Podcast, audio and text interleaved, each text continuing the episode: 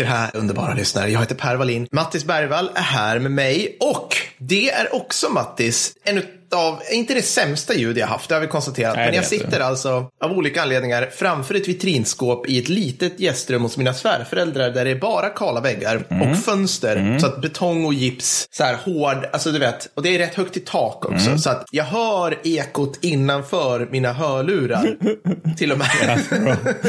så att, eh, Och när som helst kan förskolan ringa och säga att på två av tre barn är sjuka. Du måste Exakt, hämta dem. ja precis. Och jag har inget internet så jag delar från min mobil. Ja, så det, bra. Det är den nivån av säker anslutning vi sitter på Det är det här. här berömda sommarljudet som vi brukar prata om. Det är det, jajamensan. Det är här nu. Nej, men eh, det är fantastiskt. Men jag kan också eh, glädja er att eh, jag håller på att göra, anledningen till att jag sitter här är att vi håller på att göra om min källare hemma, där det. Mm. jag spelar in vanligtvis, till ännu bättre ljudmiljö.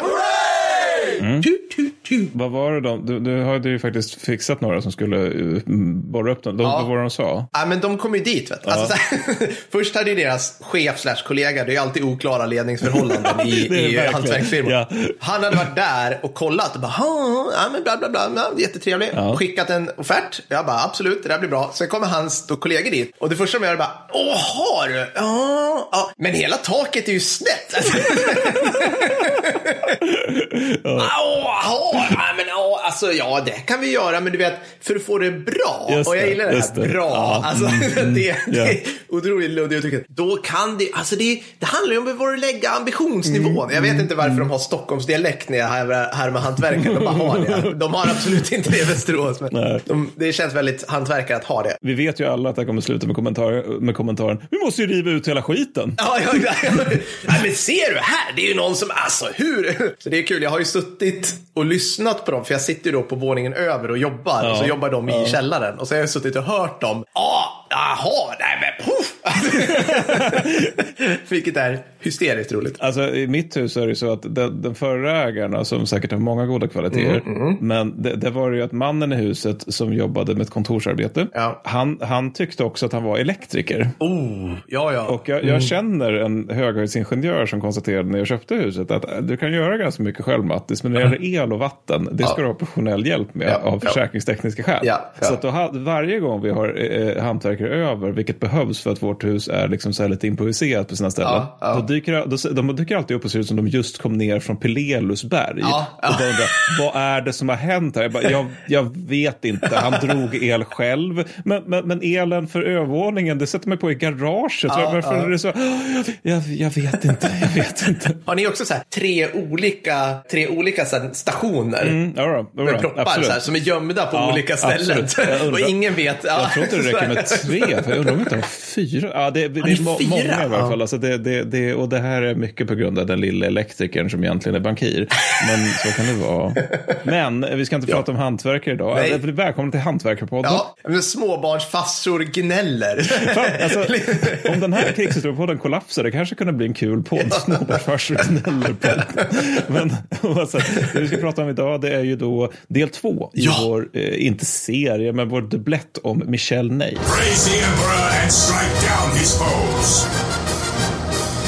Michelle motherfucking nej. En hashtag jag använder allt sällan, Ja. men som är fantastiskt kul. Ja. Och nu börjar det hända grejer på riktigt, Ja, tycker visst. jag Mattis. Ja, visst. För nu är vi, nu har vi första delen som man ska lyssna på utan undantag. Där går vi fram till 1806, eller hur? Mm, japp. Och nu börjar vi från 1806 och det är kul det här, för att Napoleonkriget är alltid mycket längre än vad alla tror. Ja, det är korrekt. För det första. Ja. Och det finns en god anledning till det. Det är för att typ allting händer efter typ 1805, 1806. Ja. Alltså det, då, det här, då börjar typ så här, alla, alla så här brittiska sjöfartsromaner, så här Age of Sail börjar.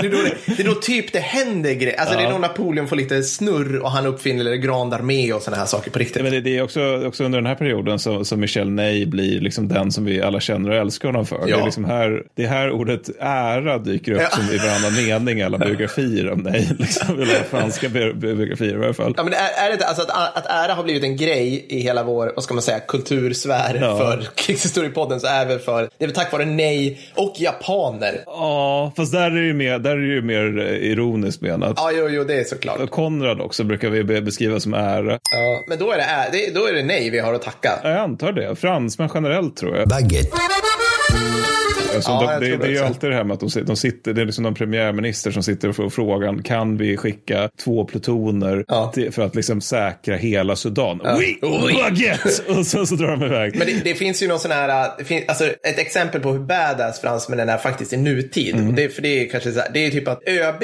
alltså dagens franska ÖB, Mm. fyrstjärnig general, han, när han var kompanichef i Kosovo Mm. på 90-talet, någonstans där. Då, var han, då, hade, då hade serbiska soldater, eller någon milis, tillfångatagit franska soldater Mm. i en, vid en gräns, eh, inte en gränspostering, men vid någon form av eh, postering vid en bro. Ja. Han, ring, han bara, jag vill ta tillbaka den här. Han bara, bajonett på.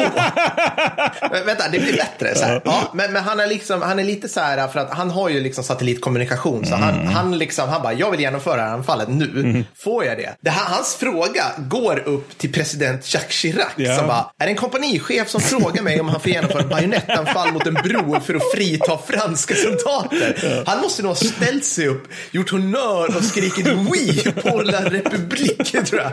För han fick ja. Ja, ja, självklart. och de genomförde det här och du vet, ja men fransmän fucking stupade såklart. Ja, ja. Alltså, det är ju ett liksom, bajonettanfall trots allt. ja, ja, ja. Alltså, så att, men det lyckades Ja, ja. såklart. Lika självklart. Frankrike. Ja, Ja. det, det är helt underbart. Ja, nej, det är only in France. Ja. Men vi har varsin shoutout. Jag ska Ja. börja med min, sen ska vi komma till nej, jag lovar. Men den är först är från vår pat- patron Edvin Mm. som skriver. Jag heter Edvin och tar idag den 29 maj, obs, vi förinspelar som fan här, examen från Försvarshögskolans eh, kandidatprogram i militärhistoria. Oh. Jag vill ge en shoutout till Erika, Henry och Johan för att de är fantastiska kamrater och har hjälpt mig genom ur och skur, sjukdom och hälsa. De är fantastiska människor helt enkelt. Bäst! Evig ära till dem. kul. Och jag fick intrycket av att även dessa stolta kumpaner också var patroner. Så det tackar vi historien häftigt. för. Ja, och äh, grattis till examen. Ja, vi säga. Nu måste du bli master på det här. Ja. Som du kan skriva om en viss podd. Jag har vet. jag vill ge, eller jag vill, Emma P Mm. har hört av sig. Hon vill ge en shoutout till sin bror Nils som tipsade henne om podden. Mycket bra Emma. Och därmed fyllt hennes, enligt egen utsago, ganska tråkiga vardag med många timmars skratt och glädje. Tack Nils för det. Hon vill även påminna dig Nils om att ringa mormor lite oftare. Det ska man alltid göra. Det är viktigt. Okej, marseljäsen på högsta volym. Ja,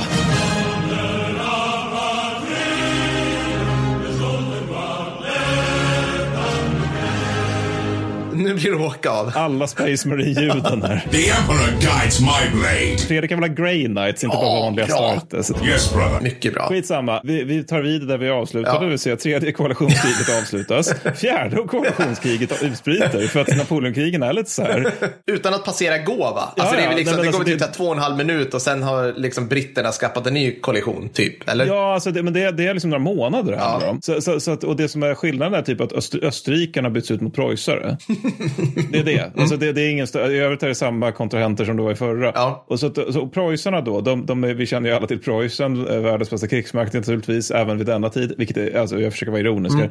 De försöker då vara lite snäviga och jobba på de inre linjerna. Nappe, dock, man, Nappe, så att han lyckas då manövrera sina kårer så att han kan slå mot preussarna med samtliga kårer samtidigt. Ja. Så att det här blir liksom en slags motsatsen till Tannenberg. Ja. Liksom. Och det här, efter lite förvecklingar så degenererar det här bland annat till slaget vid Jena då. Vilket vi har tagit upp i tidigare podd som en ganska viktig händelse Ja. i Preussens historia. Och nej, han, han, vill- han, han är på väg mot Jena, men, men hans kår blir sen då. Så att det är egentligen bara hans förtrupp där. Men det här är ju Neys förtrupp.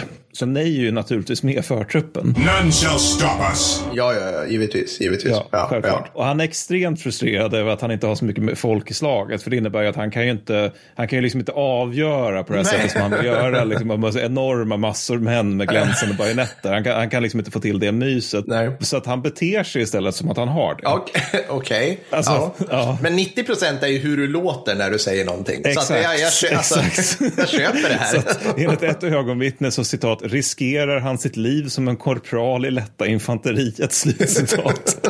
Två, äh, hans, hans livrädda stab är med honom där också då. Två av hans stabsofficerare såras bredvid honom eftersom han förväntar sig att de är i främsta linjen också. Och det här är också ett återkommande fenomen. Ja. Det är liksom, man ska inte vara Neys häst eller stabsofficer, Nej. för då tenderar man att förolyckas.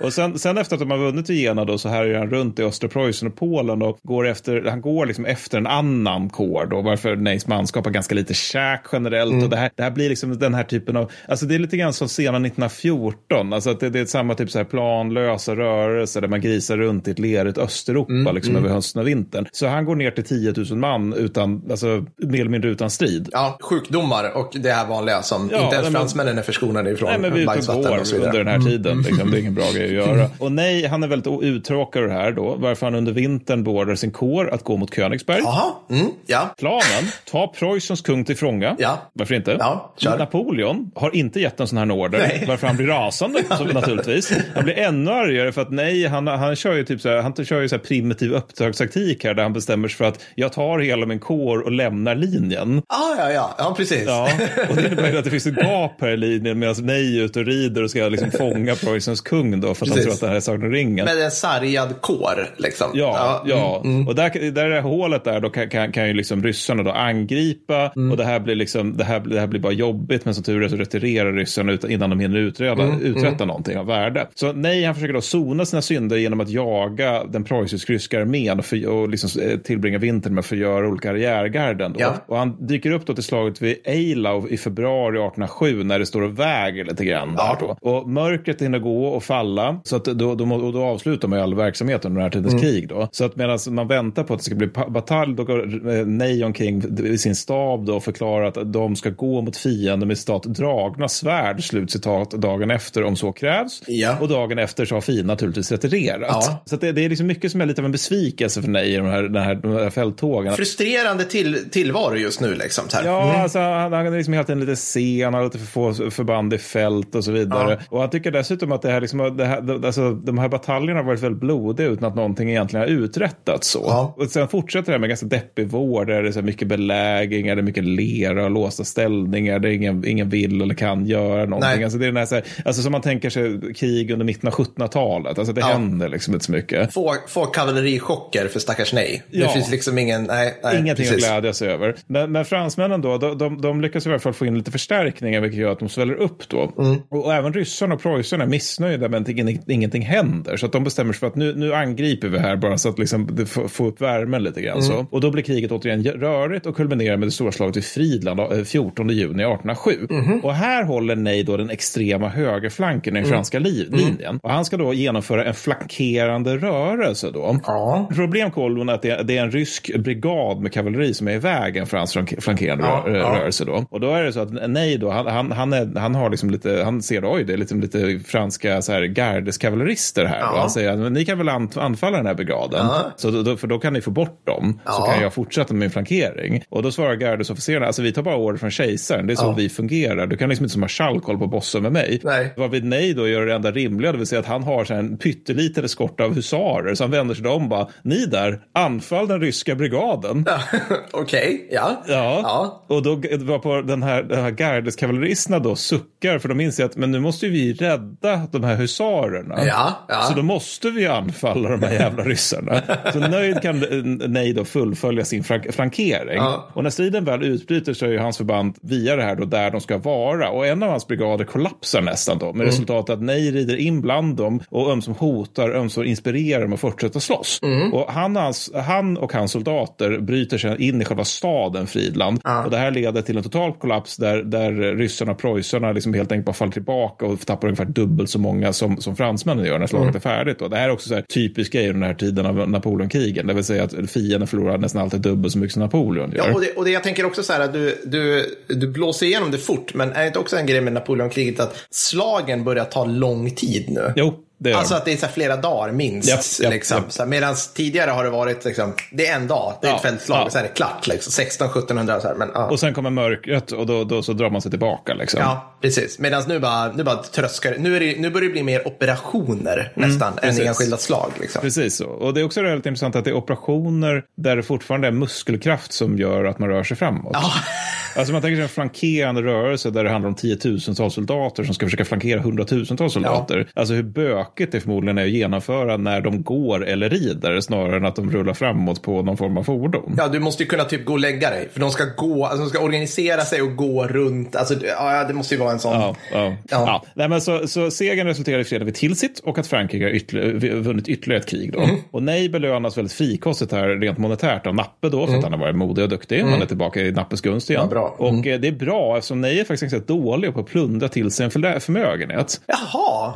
Ja. Hmm. Alltså Murat till exempel var väldigt bra på det. Han, han lyckades ju plundra till sig så här, Italiens bästa kockar.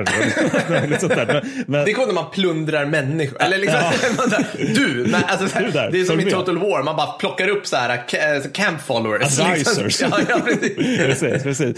Exakt så. Men, men nej var inte så bra på det. Så att, så att han är liksom, alltså han, är, han fortsätter som tidigare vara en ganska dålig intrigör i det här konstiga liksom marskalkhovet under Napoleon. Så, att, att han, han, han är liksom, han är rik vid den här tiden, Mm. men han är inte stenrik. Alltså att han har ett gods, men det är inte ett palats. Alltså saker den. Han, han är, vilket i och för sig passar lite med karaktären och sådär, för det, nej vill är ju mest att kriga lite Ja. grann. Så jag tror inte han, alltså fred är väl en katastrof för honom. Då Ja. måste han ju vara hemma och får inte hålla på med sablar. Det är inte som den där Bernadotte, den eviga intrigören som man inte kan lita på. Ursäkta, jag står och tittar på en liten katt som sitter här. Exakt så. Mm. Exakt så. Men jag nämnde ju det här med garden, så att nu ska du få prata lite om garden.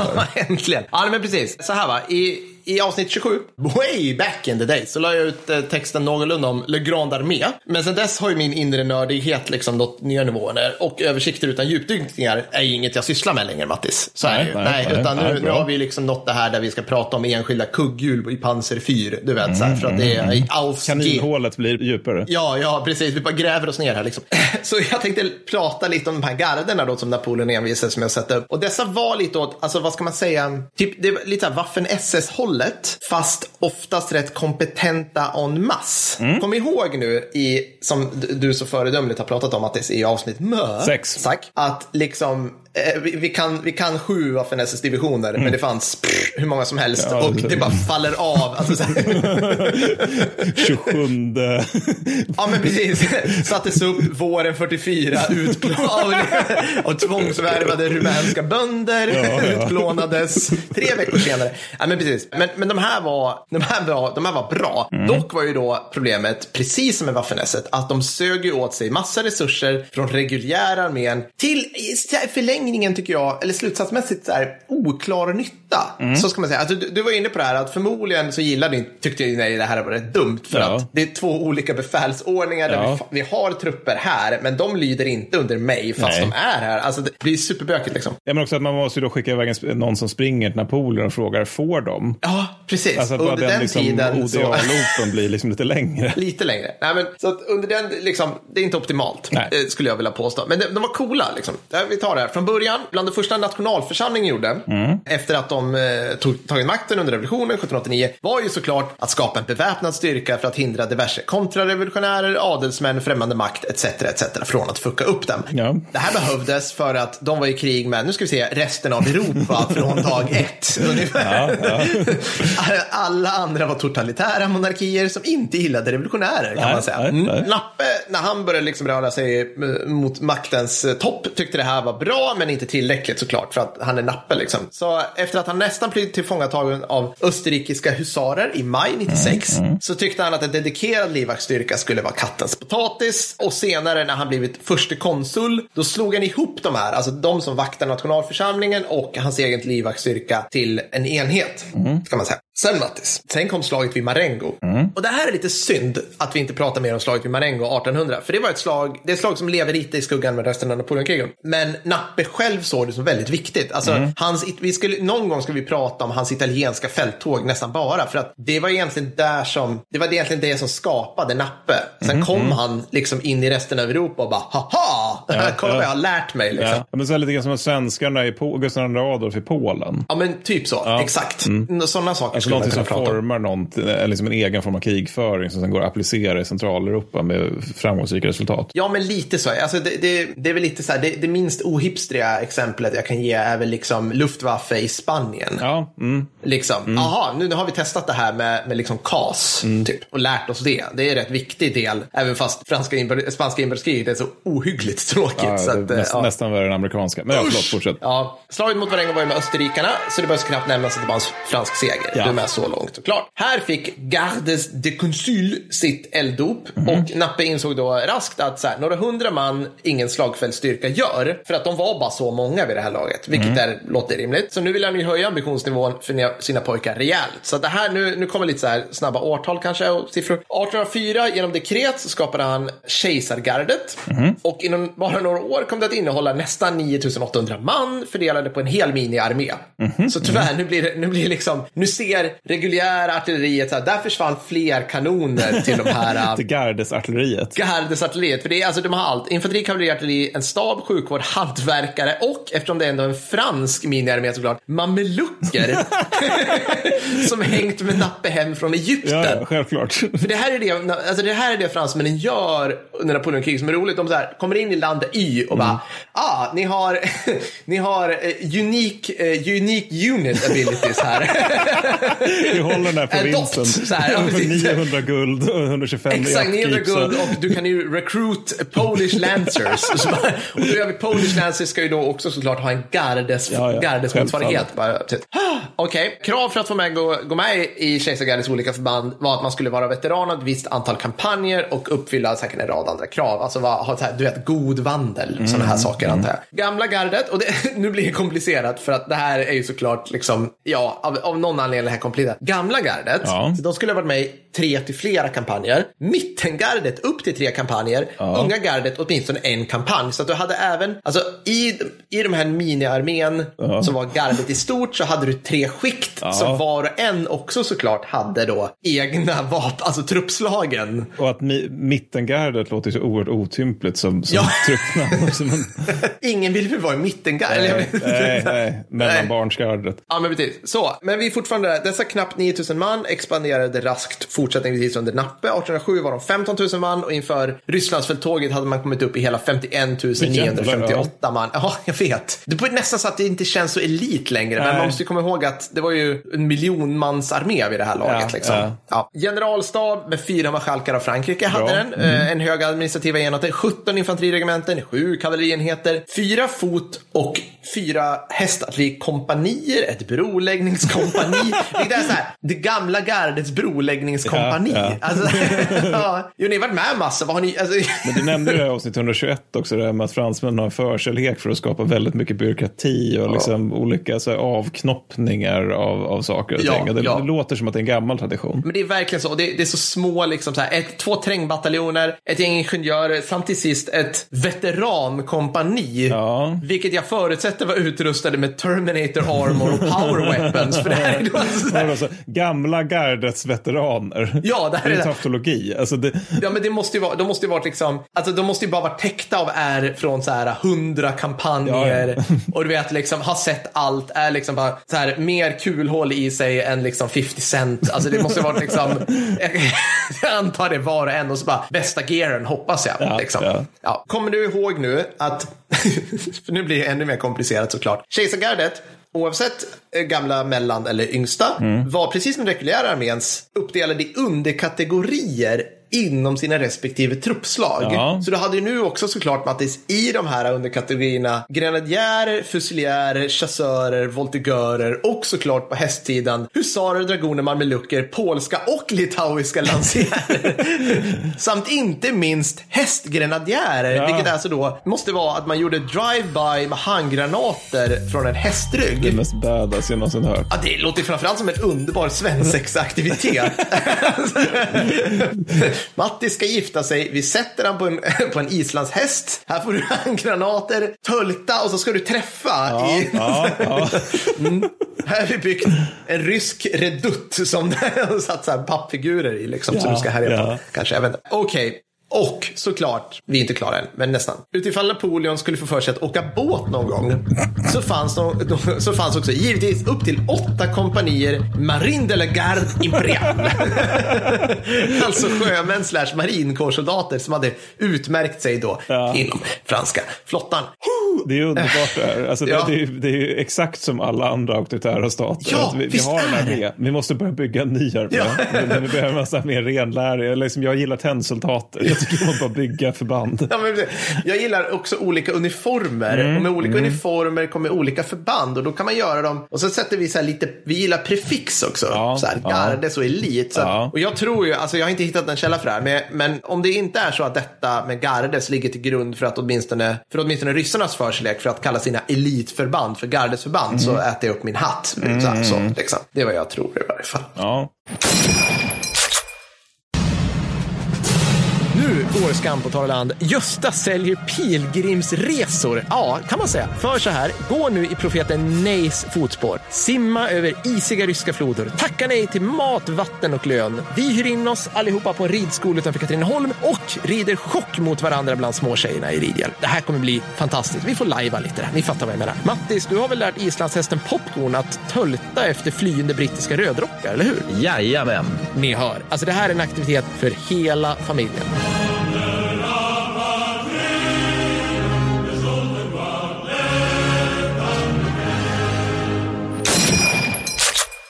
Ja, det finns, man kan säga mycket om gardet, men, men jag, det släpper det härligt. där. Det var härligt. Ja, men i alla fall. Det, det, vi ska, för nu ska vi, vi? Ja, vi ska över till Spanien nu här. Eh, för att Michel Ney, han krigar loss i Spanien 1808, 1811. Inget bra händer någonsin på den Iberiska halvön. Nej, Det- och liksom- alltså, det här, alltså Spanien utgör ju alltså en delikat situation där gerillakrig och politiskt vågspel är viktiga ingredienser. Ja, Låter det här som något för nej? nej, han bara, men vadå, inga, inga regelrätta fältslag, inga så här tydligt politiskt. nej, Ja, det, det, är, det är nej. ingenting för nej heller. Det, Nej, det, här är nej. liksom, det är inte heller hans bästa stund. Alltså det, Nej. det, det, alltså, han grälar hela... Alltså han, han har en överordnad där som heter Marskalk Masenna. Mhm. Och de där två grälar precis hela tiden. Mm. Och eftersom nej, alltså det, det, är, roligt här för att den här, alltså nej är ju liksom allmänt sett som en duktig marskalk så. Men, Mm. men på den här tiden så kan man vara en duktig marskalk och fortfarande vara sjukt jävla odisciplinerad. För att alltså, han, han bara rakt av ordervägrar ganska ofta. Han bara, nej men jag har ingen lust att lyda min överordnad så jag gör inte det heller. och det är också mycket så här konstiga reträtter och småduster under just den där med reträtterna. Så här, träffningar som vi har pratat om i tidigare Ja, avsnitt. ja, precis. Ja, nej, men den, en av dem så, så, så bestämmer nej att han ska liksom tutta eld på, på uh, arméns trossvagnar. Sin armés trossvagnar. Ja, Jaha. Ja, och Okej. det, det är liksom för att, för att det ska, det, det är ganska rimligt för att reträtten blir lättare då när det inte är nedtyngd av en stor tross. Jaha, liksom. nu förstår jag. Ja, jag trodde det var ingen sån här fyllegrej. Nej, nej, nej, utan. Mm. det, utan det, det, det, ja, det vore kul det. Men, nej, men, så han börjar med sin egen då. Men, men när han ändå är igång så passar han även på att sätta eld på Masennas. Och det är lite oklart om det här var för att fucka på Masenna eller om det var för att han ja, du vet, behövde. Men oavsett vilket så, så här gör man ju liksom naturligtvis inte av en marskalk av Frankrikes tillhörigheter. Nej, nej. Så att han, han får återkallas från Spanien och det, det var väldigt noga med det här. Du får inte sparken nej, men du återkallas. Ja.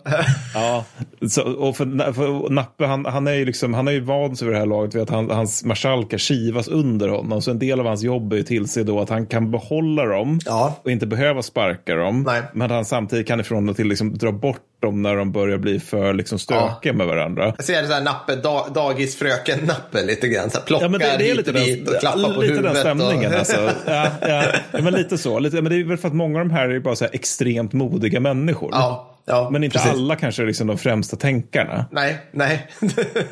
Men, men det han återkallas till, bland annat då, det är ju naturligtvis invasionen av Ryssland. ja, just det. Mm. All hands on deck lite grann där Ja, kan jag nu tänka kör mig. vi Mm. liksom. För att nu, nu, nu så ska ju hela stora armén in där och det är ju liksom uppåt, alltså över 600 000 fransmän då, som ska, eller ja, fransmän, franska soldater, en del är ju schweizare, det är allt möjligt ska in, Ja, ja, ja, som ska in i Ryssland då. Och nej styrka består här av 35 000 infanterister Mm. och 2400 kavallerister. Det känns inte så nej att ha så många infanterister. Han, han är väl liksom hästmannen nummer ett. Ja, han är hästmannen, men, men, men, men han använder ju infanteri som om det vore kavalleri i alla det, det, de ska också rida chock, fast till fots.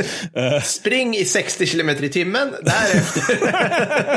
Ät foder. Ja. Men, nej, nej, men så att, alltså, och grejen är att vi har ju gått igenom det här i avsnitt 27, så jag kommer väl framförallt dra igenom Neys del i det hela. men, men, men det som händer här i korthet är liksom att, att, eh, att ryssarna inte vill, vill bjuda upp till dans vid gränserna, utan de drar sig in i Ryssland. Det här känner alla, alla till i och för sig. Men, och nej, han är ju liksom precis som alla andra fransmän väldigt besviken över att ryssarna inte vill slåss. Han blir lite piggare när man kommer till Smolensk då, för, i augusti 1812. För att där, där så ser han en chans liksom, att ta staden vid, med ett kuppförsök. För det, har ju, om du minns, gjort tidigare. Att han Mm. liksom, du vet, gått in och personligen varit i städer och liksom, typ, hållit på att dra ner vindbryggor och hållit på att Indiana Jonesa sig. Men det här misslyckas, han skadas i försöket. Så det fortsätter att vara tråkigt. Så han blir väldigt glad Ja. när, när, när han får komma till Borodino då. We have purified this place.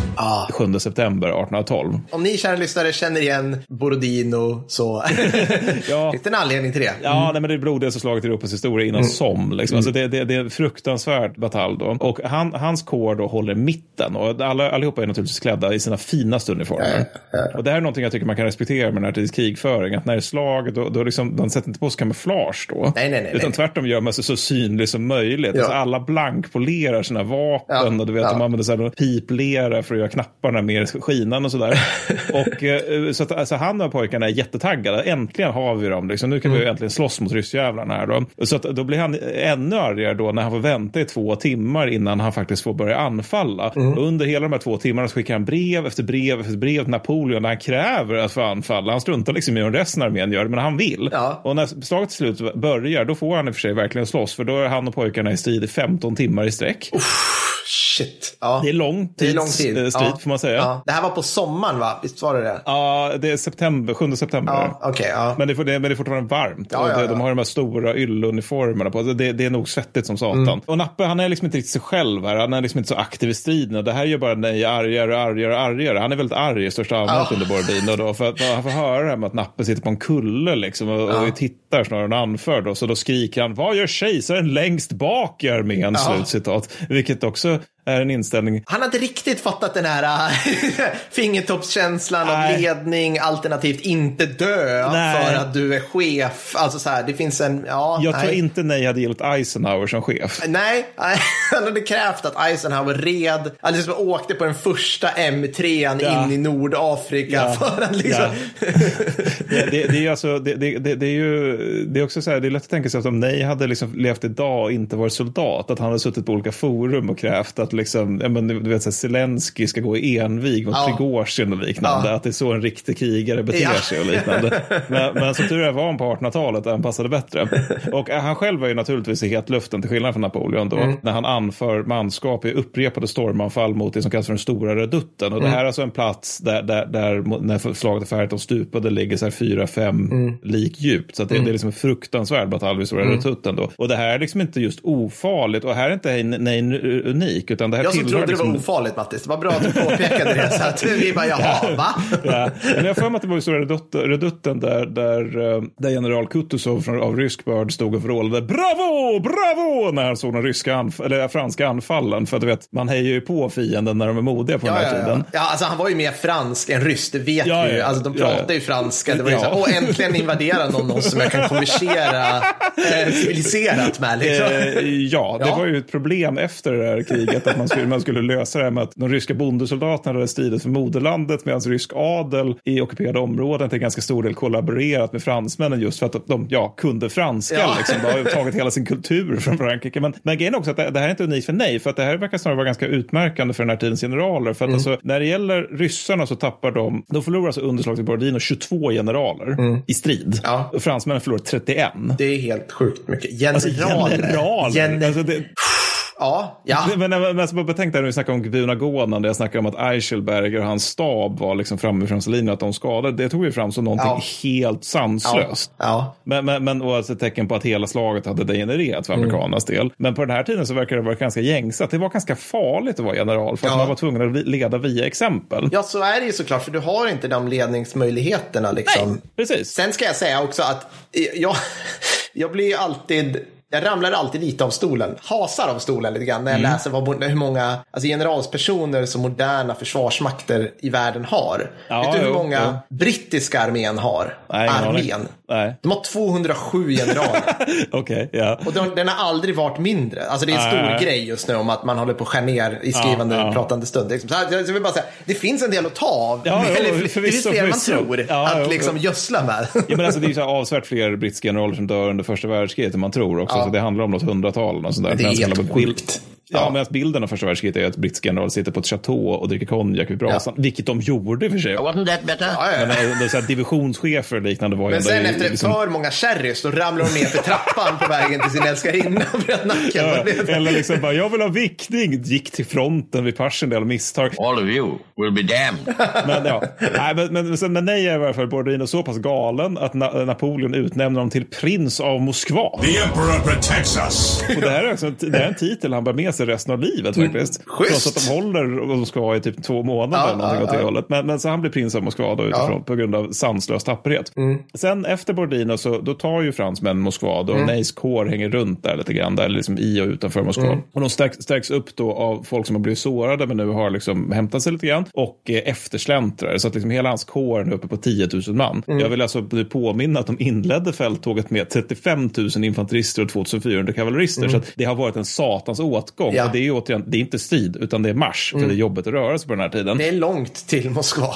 Ja, det är väldigt långt och det är som vi beskriver i avsnitt 27, Patreon exklusivt, så blir Patreon på patreon. Snyggt, Mattis! Ja. Ja. jag vet. För en skulle jag som drar det där. Nej, men så, så, så, alltså, det som är grejen där är också att de har väldigt dålig tillgång till vatten. Alltså att, då- under marschen in i Ryssland. Mm. Men däremot god tillgång till, till tyfus och liknande. men så de, de får exis, det som är kvar då av kåren får exercera lite grann framför Nappe vid Kreml. Ja. Och Nappe han är, han är ganska missnöjd med hela exercisen för att han tycker att det är trist att se att så få så sort fortfarande står upp efter hans briljanta fälttåg Ja. in i Ryssland. Ja. Och Men eftersom ryssarna då, eh, de brände ju Moskva när de evakuerade det, så då, då liksom fransmän får överge stan i oktober då. Och i november så har kosacker och ryskt reguljärt kavalleri, de har liksom gnagt sönder två stycken franska kårer som har utgjort ar- arriärgarde under oktober-november då. Varför Neys kår får ta deras plats då. Ja. Och det är här någonstans när det händer, det är här någonstans som Ney går från att bli en marskalk till att bli den som Na- Napoleon själv kommer kalla för de modigaste av de modiga. Ah, nice. För att det, det, det är nu den här, alltså, jag tycker jag har antytt att det här är en van, vanvettig man innan, men det är nu han når nya höjder kan man säga. För att alltså, han har ju då nästan ingen mat naturligtvis, Nej. Marscherar genom fasansfull kyla och ut som, utstår nära nog konstanta anfall från förföljande ryssar då. För att fransmännen måste ju bara ut ur Ryssland nu, det är det som är planen. Och situationen är så pass desperat att franska eftersläntrare då som dyker upp ur snöstormar, de avvisas helt enkelt med våld för att vi, har ingen käk till er. Sorry, Oj. ni, är inte, ni har kastat era vapen, ni är Ja. inte soldater längre, ni tillhör Nej. inte oss längre. Gå. Så att de dör ju naturligtvis. Och nej, han får liksom överge vagnar och med byte, vilket soldaterna tycker är tråkigt, och också artilleripjäser, vilket han själv tycker är tråkigt. Mm. Så att när de når Smolensk då efter en fullkomlig dödsmarsch ner från Moskva, Mm. då har han kvar 3000 man och 12 kanoner. Och förstärks där upp då av liksom lite kvarlämnade fransmän som har varit i så här ett helt utbränt Smolensk där det inte finns så mycket liksom att glädjas över. Nej. Så att de är kanske 6000 och sen så finns det också lite strödda skurar med du vet, så här camp followers och liknande som också är med Core då. Men alla andra, alltså han är ju arriärgarde, alltså den som går längst bak i kön. Ja. Och det innebär ju att resten av resten av stora armén har ju marscherat genom Smolensk. Just det, ätit upp allt redan, typ. Allt. Ja, det, ja. Så det finns liksom ingen mat, det Nej. finns inget foder, det Nej. finns inga logement, det finns liksom inte ett skit. Alltså de, har, de har plundrat på nivån liksom att de har tagit med sig gobelänger och mattor bara för att svepa över Ja. sig för att det är ju så här 30 minusgrader vid den här Ja. tiden då. Så att det man hittar i Smolensk för Neys del, det är ammunition. Som nej gillar, men det- som soldaterna bara, jag kan inte äta det här. Ät äran. Men så när fortsätter de marschera, marschera västerut från Smolensk då. Och det är här då de stöter ihop med 20 000 ryssar under Mikhail Mi- Milodragovic då. Som understöds av ytterligare 60 000 ryssar under Bagration. Eller fel, Kutuzov. Den som sa bravo, bravo, det var bara Bagration förut. Ja, det var inte Kutuzov. sa fel Det kommer någon påpeka annars, så det är väldigt bra att du... Det är väldigt viktigt att påpeka det. Nej, men så nej, han finner sig nu avskuren från resten av stora armén. Han är i en snöstorm och han har totalis 80 000 ryssar mot sig. Ja, och han har då en tiondel knappt av den. Ja, så eller var det? 6 000 man då i Smolensk och de har förmodligen blivit ännu färre på den här vägen. Eh, så ryssarna då, då, det här har jag citerat tidigare eh, två gånger, men jag tycker faktiskt att det är värt att citera en gång till, Ja. som du pratar om nej själv då. Ryssarna då, de försöker ju då få nej att ge sig. Ja, hur går det då, Mattis? Berätta för oss. Ja, nej, alltså det, det går ju som följande då att det resulterar i det mest episka citatet i världshistorien. Där Nej blir fruktansvärt arg på den ryske, ryske diplomaten, skriker då en fransk marskalk ger sig aldrig. Det kommer inte förekomma några förhandlingar med en beväpnad fiende. Ni är mina fångar. Slut. Citat. Och ryssarna då, de råkar ju nu beskjuta nej, som Mm. blir helt galen av att de skjuter på honom när de, när, alltså, för han tycker ju att vi pratar ju här, Ja, det är en ja. parlamentör här liksom. Ja. Så blir han, han blir rasande över det, varvid han genomför inte ett utan två frontalangrepp mot alltså, den här ryska Mm. eh, bokstavliga horden. Alltså det är så enorm förbandsmassa som hans så här, svältande nedkylda luffare får då bara angripa. We strike with the wrath of the righteous! Ja, Inte en, utan två gånger. ja, ja. De tar Ja. alltså några kanoner i de här Ja. försöken. Men mot, och Milo Dragovic, han, han, han säger till franska krigsfångar att det här är modigaste som har hänt i krig. Alltså det måste ju vara en, en helt orimlig grej att se. Alltså så här, på något vis, att den, den disciplinen, att, att, så här, att folk lyder order Ja, under de förhållandena. Ja. Ställ upp er på slagordning. Så bara, fransmännen bara, jag har inga tår kvar. Nej. Alltså jag, jag, jag har inga tänder. Nej. Jag, jag lider av alla bajsvattensjukdomar Ja. i hela världen. Ja. Jag är liksom ett andetag från att bara själv... Alltså, Men det givetvis måste- gör jag som du säger, Ja, ja, ja, Marchal. såklart. Inga konstigheter. Ja. Du vill att jag ska göra det här en gång till Ja, när ja, ja, misslyckades ja. första gången. Självfallet, inga konstigheter. Ja, det, var nog ganska, det är nog en blandning av desperation, mod och helt sjuk förbandsanda Ja, som är ja. grejen här. Då. Men, men, men när det här mot all förmodan då inte funkar så börjar han istället marschera österut. Så då, marscherar, då börjar, liksom börjar han invadera Ryssland igen. Då. Fel håll. Ja, nej, men så det, han, andra, han, tänker sig, vi gör en, vä- han, han tänkte sig tjeckiska legionen 2.0. Liksom. Ja, ja. Nej, det tänkte han inte. Mot Vladivostok. Ja. Nej, men det tar de längre ner längs Dnepr då. Mm. Och där då under en, när, när det blir natt så, så fryser isen till Mm. bra då. Så då, då, kan, då kan, kan han låta sin armé, eller armén och stora citationstecken, sin Ja. styrka marschera över Dnepr. Och infanteriet tar sig över, men, men kavalleri och vagnar går flera fram genom isen då. Så då är det bland annat en såra då som hamnar rakt ner i en, en vak, fam, faller ner under vattnet och eh, tills Alf eh, till- sen fiskas upp av någon som han till sin förvåning ser är självaste marskalk Nej då. Your banner flies here once more, brother. För nej, han sitter liksom på västra sidan av Dnepr och väntar in alla sina soldater tills de är över. Ja. Vilket är, skulle jag säga, faktiskt ganska bra, bra ledarskapsgrej att göra. Ska jag säga också. Men han är inte ute i elden, eh, elden än, för att kosacker finns liksom på andra sidan också. För de, de är ju liksom i Ryssland, så det finns Mm. Ja. väldigt mycket ryssar här. Då. Och så Nejs krympande styrka angrips nästan hela tiden, men avspisas lika konsekvent med liksom närkonstanta bajonettanfall. För varför inte? Gräva ner sig och vänta in är liksom inte fransmännens grej då. Nej, nej, nej. Men också så här, vi bajonettanfallar mot hästar. Ja, då, ja. Om jag antar att kosackerna är... Ja, det är korrekt. Och det funkar varit då. En... Ja, det, men funkar det så funkar det. Ja, men det funkar ju. Liksom, och jag vet inte om det beror på liksom, fransk ära eller rysk dålighet eller något. Mm. Ja, men så, och Neys egen häst, den, har de ju liksom, den är ju död sedan länge nu. Så att han är ju till fots nu Mm. då i egenskap av marskalk och eldar på knäktarna via liksom, dels personligt exempel. För han är ju med i de här bajonettanfallen Mm. Ja, naturligtvis. ja, ja, ja. Plus också löften om eh, där han säger alltså, att snart är det värsta över. Det här är liksom, ta er bara förbi den här lilla grejen som är liksom att ni är i mitten av Ryssland, ni är avskurna på stora armén. Det är vinter, ni har ingen mat och det är ryssar överallt. Om vi bara liksom, tar er bara över det lilla problemet. Ja.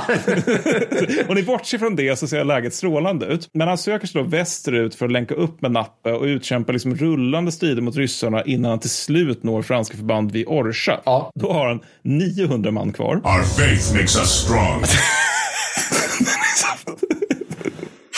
Alltså, det, det, är en dag, det är en modern bataljon lite Ja, drygt. ja, alltså det är ja.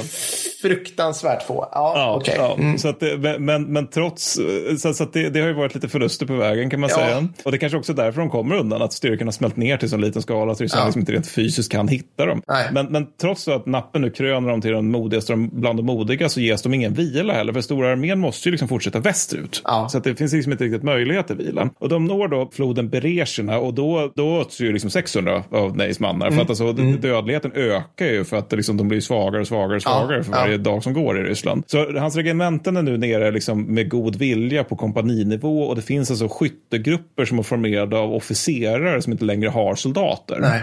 Nej. Det är nivån på Neys Ja. nu. Och så när de lyckas då ta sig över floden Berezjina så dyker det upp ryssar på dess västra sida. Och det Mm. är liksom, alltså, de dyker upp divisionsvis. Så nej då, han får ta över en kår eftersom dess marskalk såras allvarligt. Och Mm. löser liksom den katastrofala situationen på västra sidan genom, ja, gissa vad? Personligt mod och bajonettanfall. Ja, det är helt korrekt. Det är, som också tingar 2000 ryska krigsfångar. Enligt Napoleon räddar stora armén. Hur då? Jag då? vet inte. Ja, men det här är ju som i Stilla havspodden när de går in i mancheriet och typ snubblar och förlorar över 30 000 man. Vi, ingen kan förklara varför ryssarna alltid förlorar så oerhört mycket folk. Men det gör de i alla fall. Ja. Men, men efter stora berecherna är ju stora armén en fullkomlig hord. Alltså det, Ja. det, är liksom, det, det, det finns liksom ingen för, förbandsstruktur längre. Nej. Då. Så nej, Neys Core då, liksom de, det är ju liksom bara något, något, något handfull hundratal. Då. Mm. De, de, får, de, har, de har ju haft det lite jävligt eftersom de har ju liksom gått från Smolensk återigen. Men de får marschera med gardet då. Ja, okej. Som jag får med mitten i, i, kön då. Ja. För, för att ta, de, de får ta det lite lugnt. Man inser Ja. att ni har gjort det ni behöver. En smula återhämtning Ja. under. Ja, mm. Det här gäller Neys Core. Nej själv. ja. Han utgör fortfarande arriärgardet. Though the time is dark, my face shines. Alltså personligen. Ja. Och eftersom det här är nu en hord då. Så, och det är som, han kan inte längre- säga till en bataljon att ni där föll mig och var nej. Så istället att han liksom, han springer runt mellan olika skockar med män och sparkar ihop kampgruppen av dem då. Alltså det är så badass det här. Jag vet inte. Alltså, det är liksom... Det är vårt mest krigsromantiska avsnitt hittills. Nej, men så att han, han, alltså, så, och han strider ju liksom konsekvent med soldaterna också. Mm. Det finns en ganska berömd målning där han står liksom i, i liksom knädjup snö omgiven av här en, en raggig luffarskock där liksom hälften är beväpnade. Mm. Men han är där med ett gevär. Och det var liksom grejen. Han var själv och alltså bokstavligt talat sköt på ryssar. Mm. Alltså det är inte så här anför genom att peka utan det är nej, nej, nej, nej. Det är bara liksom, det, det är jag som är liksom standardet i den här formationen. Och han liksom slår soldaterna framför sig i försvar och reträtt. Då, liksom, så att han, han, lyckas, han lyckas på något sätt skapa improviserade arriärgarden rullande hela vägen tillbaka till floden Jemen. är vi, får jag fråga, är vi fortfarande i Ryssland? Egentligen? Jemen är liksom, då är vi ute, det är, vägen, det är liksom floden där man kommer ut ur Ryssland. Ja, så.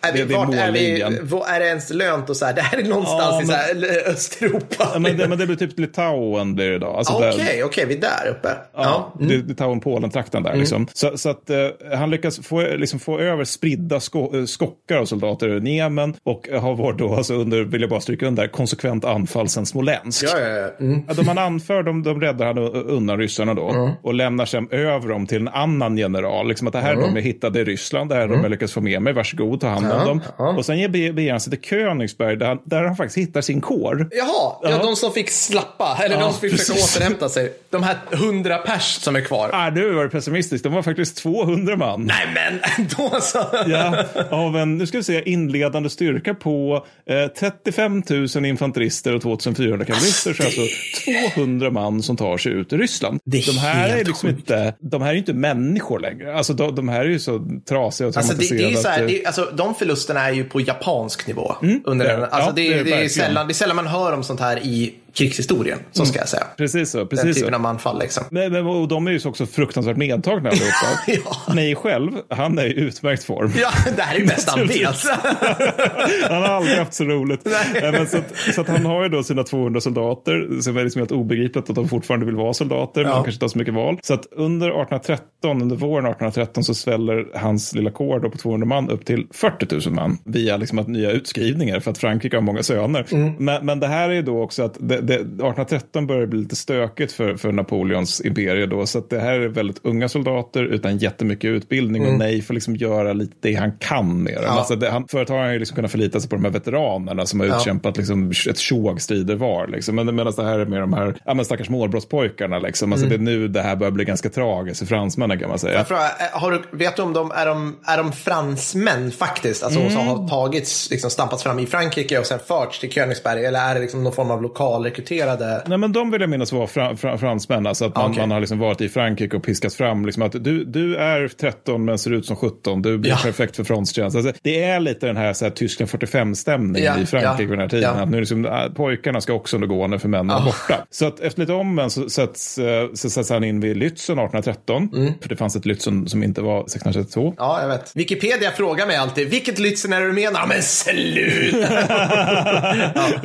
det viktiga Lützen. Verkligen. riktiga liksom. Ja. Ja, men så, och här spelar nej en viktig roll. För att alltså, vid det här laget, så, alltså, du får ju tänka också att det här är ju, precis som med moderna krig, är ju det här ett propagandakrig. Så att Mm. om man tänker sig vad nej gjorde, och man tänker sig vad det här blir då via viskningslek. Ja, ja. Det är liksom så här att vi, vi Lützen så är liksom större förband inom hans kår som, som börjar springa för att de är så unga och illa utbildade. Då dyker typ han bara upp. ja, och det Och räcker de bara, typ. "Ja, jaha, Ja, okej, här, kommer så här, här kommer en primark, alltså, är en legend. där. Så, att, eh, så när det är väl, väl uträttat så ger han order om och anför flera, vadå för någonting, per vadå för Ja någonting? men, ja men givetvis bajonettanfall Mattis. Ja, ja, ja. Alltså varför ändra ett vinnande koncept? Alltså, det har här är funkat lite- förr. och, de efterföljande striderna efter Lützen, de, de, de är extremt röriga. Men det som är liksom typ contenten att Frankrike som sagt inte längre har några veteraner. Men trots det vinner de flera gånger ändå. För de har fortfarande liksom ett väldigt robust system liksom, Ja. för att vinna krig. Eller i varje fall strid. Och de är i numerärt med underläge. Men trots det så kan Nappe inte riktigt acceptera förslag om fred. Då. Så Nej. nej skickas runt liksom mellan så olika förband och för att agera brandman. Via egentligen rykte och personlig karisma. Så. Mm. Han hamnar i norr mot både preussar och svenskar under Bernadotte faktiskt. Ja, Bernadotte på fel sida. B- Bernadotte på fel sida, ja. den Mm, här det. jävla landsförrädaren som gick till alltså. den där, där As. Ja. bisarra barbarnationen i norr. Ja, jag så- bara, åh, vi tar emot honom. Bara, alltså, bara, kom hit. En broiler. Vi vänder på ett glad och eh, ser framåt istället. För det här är något som har lång tid tillbaka i tiden. Ja, Ja, nej, det, det, det, det är ju efterfrågan som du skulle kunna skriva en fredsartikel om varför du ogillar Bernadotte så Mm. Det mycket. Så det, det, om du inte har gjort det när vi släpper det här så, så ser jag också fram emot det. Ja, Men- ja, precis. Nej, men så i alla fall mot, mot svenskarna och eh, preussarna, framförallt preussarna, så Ja. lider nej då ett förkrossande nederlag vid Bennewitz. Då. Och det här är dels på grund av väldigt massa käbbel med underlydande generaler, men dels på grund av att nej alltså förväntar sig mer av sina soldater än vad som är rimligt egentligen. Mm, Och det, det är liksom, jag vet inte, det, det kanske är liksom, det är kanske inte så konstigt eftersom rätt många människor tenderar ju utgå från sig själva i vad som är möjligt. Och nej utgår från sig själv när han pratar med de här stackars utskrivna 16-åringarna. Bara, Ja men ni behöver bara, alltså, ni har ingen ammunition. Om ni biter preussarna Ja. tillräckligt länge Ja. då kommer de dö av det. Liksom. Vad är problemet? Nej, nej, det är uppenbart. Ja, nej, liksom. men så att, så att hans, via den här förlusten då så falnar hans gloria ganska mycket och han skriver också till Napoleon att hans armé är för demoraliserad för att uträtta något av värde. Mm, Och Då, då måste den verkligen vara demoraliserad när till och med han inser det. Mm. Han deltar dock även vid stora slaget vid Leipzig som kallas för Völkerslacht, alltså Mm. folkslaget, alltså folkens slag. Passar nog också låter som folkslakten för det var fruktansvärt blodigt. Ja, du sa ju faktiskt att Borodino var det blodigaste innan som. Men är inte Leipzig det största innan som? det finns kan- någon sån här... Jo, men det är det nog. ja. För när jag säger blodigaste så menar jag ju andel, eller, hur, eller jag kanske har fel om det i och för sig. Ja, lyssnarna får korrigera mig. Men alltså Borodino, Vatel och Leipzig är allihopa herrejösses stora Ja, slag. ja. Alltså, som är, ja. Eller om det kanske är mängden, mängden eld som är tätast vid Borodino. Ah, strunt samma. Det är jävligt i varje fall, Ja, det som är ja. poängen. Men, men så, han är väl Leipzig då och han, han gör liksom sitt bästa där då. Men, men, och han rider runt och naturligtvis svårt sårad och under slaget och hejar på knäktarna då. Men det här hjälper liksom inte utan Leipzig blir en katastrofal fransk förlust. Ja. Och ganska vanligt när det här krig, de här krigen beskrivs så är det liksom så att den här delen av Napoleonkrigen avslutas med Leipzig. Men rent historiskt så var det inte så, utan det är för Nappe ger ju inte upp. Han är ju kejsare och har liksom rätt mycket investerat i att Frankrike ska fortsätta existera Ja. som det gör nu. Så kriget drar nu in i Frankrike. Ja, ja. Det, är, och det är inget problem för Nappe. Då är det ju närmare ja. personalreserver och, och liksom fabriker och militärindustriella etablissemang. Ja, vad, var, vad var det tyska general brukade säga? Typ så här 44. Vi har kortat fronten. Ja, ja, ja, nu menar vi har tappat Polen. Yes, fronten är kortad. ja, precis. Men, men, men det är här någonstans jag får lite känslan att nej är en sån här person som har lite svårt att sluta kriga. Att, alltså, han, får, han får kommandot över vad som kallas för ett citat gardes, slutcitat, citat division, slutcitat, om 2500 man. Ja, ja. Och de här är så pass jävla nya i fält att nej får typ lära dem hur man gör när man ska soldata sig Ja. under marschen mot strid. Ja, ja. Mm. Det är inte riktigt det garde du beskrev. Nej, nej, nu är det... Hur gammal är Nej vid den här tidpunkten? Uh, det kan, har jag fan inte i huvudet. Ah, okej. Han är född 1769. Mm. Och vad, när var det här då, sa vi? 1813. 1813. Hjälp mig nu Matti. 69, 30. Han är 40, 44. Ja. Han är 44 bast. Ja. ja, men precis. Och då är det ju, jag ska inte säga att han är gammal, men han är ju liksom, han har ju hållit på med det här ett tag nu. Alltså, ja, det har han. Det har han. Sen, sen sent 1700-tal. Ja, liksom, så det, ja, det, så ja, gammal i gamet. Så. Ja, ja. Det, det måste ju varit intressant med de här veteranerna som ändå existerade, som var det bara så här gamla gardets infanteriet som var, alltså, du vet så här 35-40 och hade överlevt allt det. Det, det, det måste ju varit intressanta individer efter Napoleonkrigen. Mm. Ja, så. ja, men det finns väl, alltså det finns ju bilder, alltså de första fotografierna i världen, några togs ju av folk som var med gamla gardet vid Waterloo vet jag. Så här extremt, ja jag har för mig, jag har för mig det finns bilder, så här extremt skäggiga farbröder som sitter i typ ja, att en det, det är liksom de sista husaruniform. veteranerna från, från Waterloo. Ja, men precis. Så Okej, att, så att, ja, men i och för sig, ja, då är de ju inte... Ja, du menar att om, om någon har... Det är klart det måste ha funnits sådana statistiska outliers som är liksom 50-åriga veteraner som har varit med sedan liksom första... Samtliga koalitionskrigen har Ja, vi, utkämpats. vi kommer göra ett, ett avsnitt om, eh, ja, Pax Gladi kommer. Det vet inte jag. Mm. Ja, det har kommit. Det har kommit, 124. förlåt. Ja, Mm. Klipp allt här. Det har kommit, vi har gjort ett avsnitt om Pax Gladi, om och då får man ju fram sina underbara grejer som att stå på någon lerkruka. Jo, jo, den här killen tjänade i 50 år i romerska legioner. Alltså han, han, han, han, liksom, han, han gick med i legionen när han var 14. han höll på tills pensionen. Han vet hur man marscherar. Han vet, alltså det är ju, alltså man vill ju intervjua en sån Ja, person. ja, ja. Liksom. Ja. Ja, nej, men det, var, Förlåt, ja, det är verkligen Ja. kvar. Det var intressant instick. Men när det gäller nej då, alltså det här när, han- för, för jag, jag blir så här lite förtvivlad över nej. För att när, när han ser den här citat Gardes, citat di, Ja. eh, divisionen Ja. om 2500 man som består av typ så här förskolebarn som han har gett i förskärare för det finns inga bajonetter längre. Mm. Nej. Alltså, han lyder ju fortfarande order. Alltså, ja, ja. Det, det, är liksom här någonstans man undrar lite grann, vad, vad är det du slåss för egentligen? Mm. För att alltså, han säger nej till en order och det är om att uppmana det ockuperade Alsace-Lorraine att göra uppror mot Mm. ockupationsstyrkorna. Men det gör han inte för att det är oetiskt utan det är för att nej, för att liksom, det är civila som ger sig på soldater. Att uppmana sånt blir liksom inget bra. Nej. Utan det är för att nej inte anser sig ha auktoriteten att göra det. Okej, mm, ja ja. Mm. Det är ju något annat. Alltså Ja. det, det är ju liksom att jag, jag har inte, det, det är inte på mig att göra sånt. Nej. Och, hans, och då är det som frågan, strider han för revolutionen? Eh, knappast. Den är ju liksom dött, en, liksom dead letter vid det här laget. Det är ju liksom det var Napoleon länge sedan Nappe blev kejsare i det här laget. Mm. Strider han då för Frankrike? Alltså, det är ju krigstrött som fan. Mm. Strider han då för sina soldater? Jag skulle säga att de vill ju nog ganska säkert hem. Mm. Så då strider han kanske för Napoleon, men vad fan är Napoleon 1814? Mm. Alltså jag får liksom lite intrycket att nej vid det här laget strider för att det är vad nej gör. Alltså som du sa, han har varit i krig så jävla länge. Mm. Han har varit i krig under hela sin vuxna ålder. Alltså till och med innan sin vuxna Mm. ålder. Så då, för en sån person tror jag att det är liksom lite svårt att faktiskt göra ett avslut i ett Ja, krig. För det det är typ det, det man är. Det är det som har gjort honom till en stor man. Så. Ja, precis. Eller liksom samtidigt en stor man, en, framgångsrik man. Eh, Men det finns samtidigt en gräns för nej, eh, nej. Och det är när att han inte vill veta av ett franskt inbördeskrig. Aha, nej, det kan jag tänka mig Ja. att han inte vill. Äh, vad, varför, vad är anledningen till det egentligen? Liksom? Alltså i april 1814 så det finns ju ett franskt parlament och Mm. de kommer fram till autonomt från eh, kejsaren då att de vill ha fred. Ja. Så de återkallar det gamla kungahuset. Alltså det som vi högg huvudet av för att vi är så jävla trötta på dem. Ja. Men nu har det här kriget blivit så jävla jävligt att vi hellre har tillbaka dem än att vi har kvar kejsaren.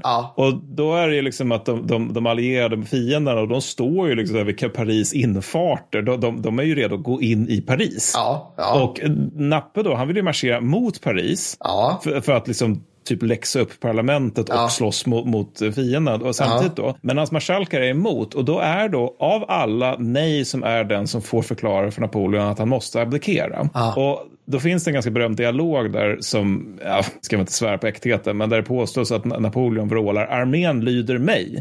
Men att nej då ska svara att armén lyder sina generaler. Och med det är det liksom lite kört, för det får Nappe att inse att okej, jag har inte ens mina generaler med sig längre, Nej. jag har inte min officerskår längre då. Så, så Nappe abdikerar och nej lämnar honom med orden farväl för evigt. Och så hade det kunnat sluta också. Ja. För att, eh, för att eh, Nappe han försvinner iväg till sin exil. Nej, han fortsätter tjänstgöra i franska armén och gör då det under Ludvig den 17 blir det väl, eller om det är den 18. Ingen fransk kung vi behöver komma ihåg. Nej, inte, inte så det stör. Alltså, det, det, det, men, men, och Ludde behandlar Nej rätt väl, alltså för att han är en väluppfostrad person. Så Mm. bara, ja, men en berömd, modig man. Sådär. Men det gör inte hans hov.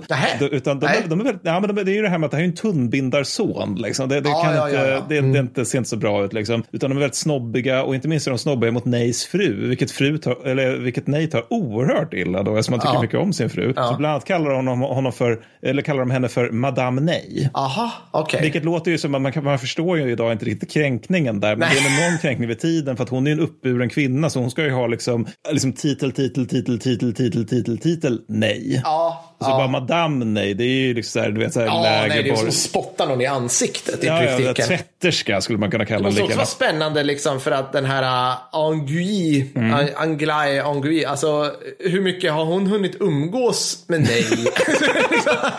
alltså det måste vara så här, ja det är så där du ser ut, Nej, du har varit på fälttåg här i, nu ska vi se, åtta år. Ja, men det, men- det är det jag undrar lite grann. De, de fick ju ändå fyra barn tillsammans. Alltså, hur, fan, hur producerades de? Alltså, det måste ha varit sanslöst för tiden. Alltså, liksom nej, att, ja, nej, här produc- älskling! ja, exakt. nej producerar ju barn på samma sätt som man, som man bedriver krigföring. Genom raka bajonettanfall omedelbart. Ja, men de ska ha tyckt väldigt mycket om varandra. Men, men, Ja. men, du har rätt, de kan alltså hon var ju med i fält rätt mycket också, men Ja. hon var inte med in i Ryssland så mycket vet Nej. jag. Men, men, men sen, sen kommer ju då, i det här då med att alla är elaka mot hans hustru, då, så kommer ju Napoleon tillbaka från Elba. Mm. Och då skickas Nej för att arrestera Nappe. Och han är först väldigt entusiastisk över det här. Han säger att jag ska, jag ska sätta honom i en bur, säger han till kung Ludvig. Ja. Men, men, men för varje steg han tar mot Napoleon så är det som att den här, liksom, det här gamla, härliga var ute och härja med, med Bonaparte. Alltså, Grabbarna liksom. Ja, ja, men att det börjar liksom dra i honom så att han blir allt mer osäker då. Ja. Så att, eh, och det här hjälps ju inte av att hans soldater är ju uttalat för Napoleon. Ja, de är det. Ja, Ja, precis. ja, ja. Så att liksom de han anför är så här, ja, vi, vi är inte just helt säkra på att vi vill arrestera honom. Nej. Så att till slut så beslu- beslutar sig Nej för att gå med Napoleon istället. Mm. Och anser att kejsaren, för att han, han liksom rationaliserar det här för sig själv då, med att kejsaren är den som kommer ge armén respe- den respekten förtjänar. ja, Han har liksom mer. Mm. respekt i moderna Fran- eh, Frankrike då. Så han träffar Napoleon 18 mars 1815 och överlämnar ett långt förvirrat dokument. För att det här är väldigt förvirrat för, för Nej då. För att han, alltså, det- han är ju en sån här person som tycker att det här med heder och att man svär trohet till folk är viktigt. Och nu har jag ju sv- svurit trohet till Mm. Ludde, va? kungen, ja, men också till kejsaren och hur ska jag göra det här och det var är rätt. Alltså det, det, det här är inte sånt som är upplagt för nej, för att det här är komplicerat och gråzoner och så vidare. Det är inte någonting han tycker om. Ja, han, han, han är ovan att ha komplexa känslor och Ja, motstridiga det. Jag tankar tror inom det. sig. Liksom. Jag tror det. Så, nej, men, så det, det, det, han blir liksom allt mer förvirrad och, eh, och tragisk mot slutet av sitt liv. Men så, så att 18 mars 1815 så överlämnat ett långt förvirrat dokument där Napoleon uppman, till Napoleon, där Mm. Nappe uppmanas att inte härska via tyranni, tyranni och akta sig för sin ambition. Mm, Nappe tittar på det här dokumentet, river det i två delar. Ja, ja. Ja, så det var väl, ja så kan det väl vara. Men, men så det dröjer liksom, och, och, så, och alltså, Nappe litar ju av förklarliga skäl inte på nej, eftersom det var nej som sa ju åt honom att nu måste du abdikera. Ja. Så det dröjer till dagarna innan Vatil och innan nej får trupp under sig igen. Innan det så får han liksom vara i liksom den militära periferin.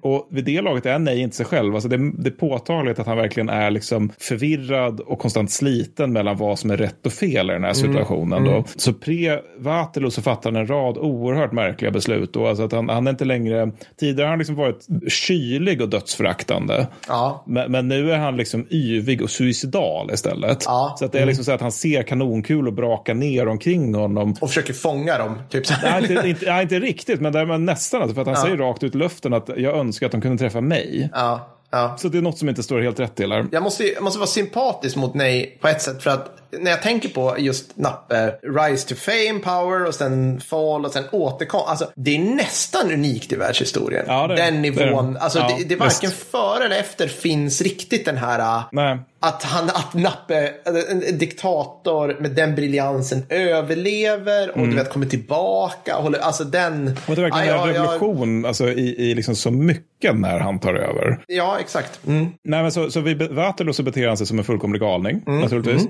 Men inte på det här eh, gamla härliga sättet. För det, jag tycker som sagt att det nej, blir liksom lite tragiskt på slutet av sin lednad. Han går ifrån vår minbild av nej och Mm. blir liksom kanske lite mer människa egentligen. För att vid Waterloo så förfaller, förfaller han till slut till sitt ursprung. Det vill säga han blir återigen rakt av kavallerist. Ah, okej. Ja. Alltså han typ glöm, alltså han typ överger sin stab. Alltså Ja, han, han ja. är bara ute och härjar med, med en sabel. Alltså han anför upprepade anfall mot de här brittiska fyrkanterna som är berömda från Waterloo. Och får fem hästar skjutna under Ja, sig. ja. Det är, det är mycket, då har man anfallit mycket. Då, kanske, då måste han ha känt bara, men kan inte jag bara få stryka Kan med? jag inte bli träffad Alltså, nu? Liksom. Ja, ja, precis. Ja, men lite så. Så att han, han är liksom, något ögonvittne som beskrev det, liksom, man såg mig där liksom till fots på slagfältet vid en död häst som var helt svart av krutslagg. Uniformen är sliten i, i småbitar och han lyckas få retirerande franska kavallerister att återvända striden med orden Följ mig och se hur en marskalk av Frankrike dör. Så att här övergår det ju liksom från jag vill vinna kriget till att jag vill bara att det här ska ta slut. Liksom.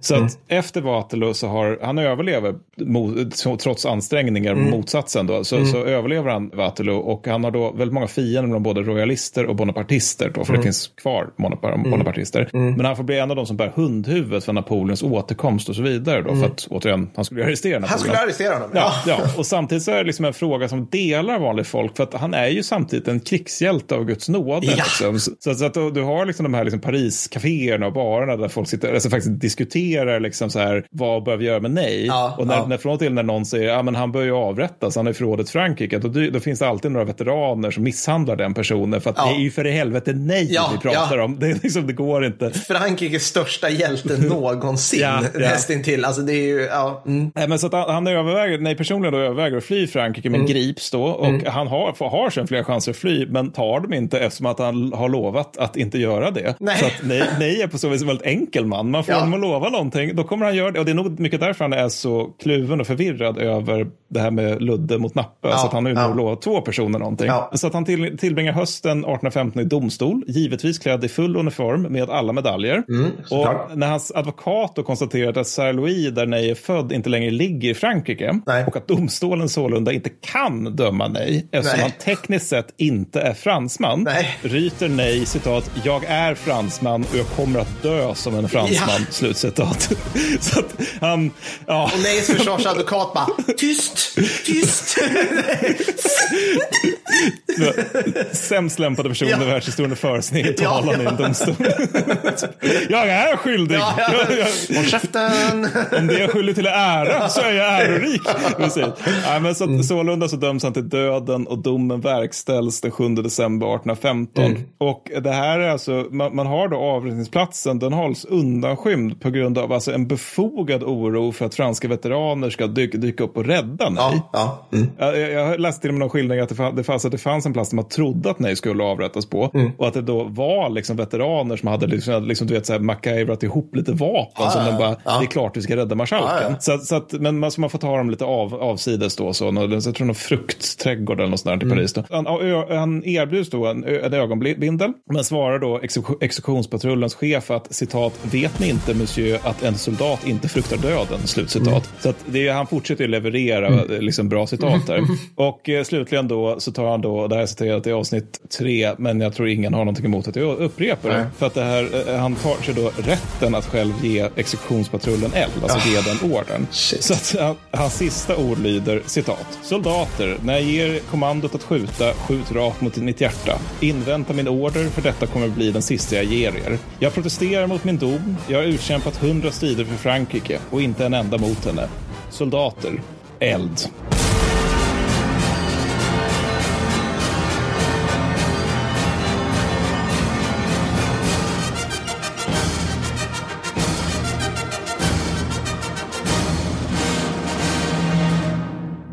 Och så slutar Michel Neys liv. Ja. Ja, det, är, det är fantastiskt. Ja, man, har många full, alltså, man har många följdfrågor. Liksom. Jag, jag sitter och tänker lite grann på hans marskalkar också. Så här, för det måste ju ha varit en otroligt komplex period överhuvudtaget. Där Ja. när Nappe kom tillbaka och, så här, och hur du gjorde dem. Och, vi vet ju, vi har ju haft, vi pratat lite om marskalkarna förut. Liksom. Och Davos och de här. Men ja. Mm. Ja, men alltså det, det, är också, det här blev ju på något sätt så här, eh, den lilla varianten av hela Napoleonkrigen Ja. i en podd, fast liksom fokus, väldigt ytligt och fokuserat på nej. Ja. Men, men, men, men absolut, och jag måste säga det att jag, jag tyckte det var ganska, jag vet inte, det, det, var, det var lite kul att läsa om nej lite mer ingående, för att alltså, han är ju en jävla tok.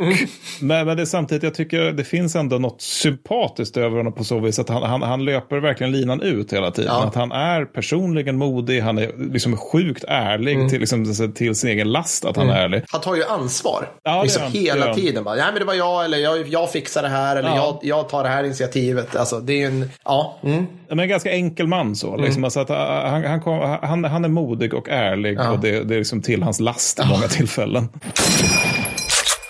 Så. Nej, men så det var Michel Ja, där. precis. Tack Mattis. Det vi lärt oss av det här var inte så jäkla modig ärlig. Men lite så. Politiker förstör allt. Välkommen till Qanon-podden. Äntligen. Mot riksdagshuset. Vakna Sverige! Åh, jävla politiker. Hörni, Ja. vackra människor. Vad kul att ni har lyssnat på det här. Vad, händer, vad händer härnäst, Mattis? Berätta för mig. Det blir avsnitt 131. Ja. Ja. då ska vi se här. Vad var det? Det var... Det är Svenska klassiker 2. Ja! Jesus Kristus, du ska prata om draken och jag ska pra- prata om pansarvärnspjäs terrängbil. ah, nej, det kommer bli episkt. Det kommer bli underbart. Det, det, Det är den, eh, just det, det är ordinarie. Alltså om du inte kan vänta på det så, ja då ska du bli Patreon för guds skull. Om du inte redan är det, för där kommer det massa grejer. Alltså grejen är att nä, nä, till nästa avsnitt tänker jag faktiskt räkna hur många avsnitt man får om man Ja. är, är Patreon. Ja. För jag tänker att det, det, det, det brukar ofta falla på dig att sköta marknadsföringen på Patreon i podden. Men nu tänker jag, jag tänker dra mitt strå till stacken och faktiskt räkna. Ja, det, det, är- alltså det är mycket du får om du blir Patreon. Jag vet inte hur många fredagsartiklar finns det vid det här det är laget. inga- det är alltså hur mängder, många men som det- helst liksom. Ja. Ja. Men, men, så det ska vi snacka om då. Jag hoppas ni tyckte nej var intressant. Vi kommer nog återkomma till Napoleonkrigen. Ja, om ni inte tycker nej var intressant, bli inte Patrons, för det här är grejen. Då är ni inte för oss, så kan jag säga. Ja, ja, lite så, lite så. Nej, fantastiskt. Du, vi hörs snart igen. Det gör vi. Ha det så fint hörni. Simma lugnt. Hej då. Hej då.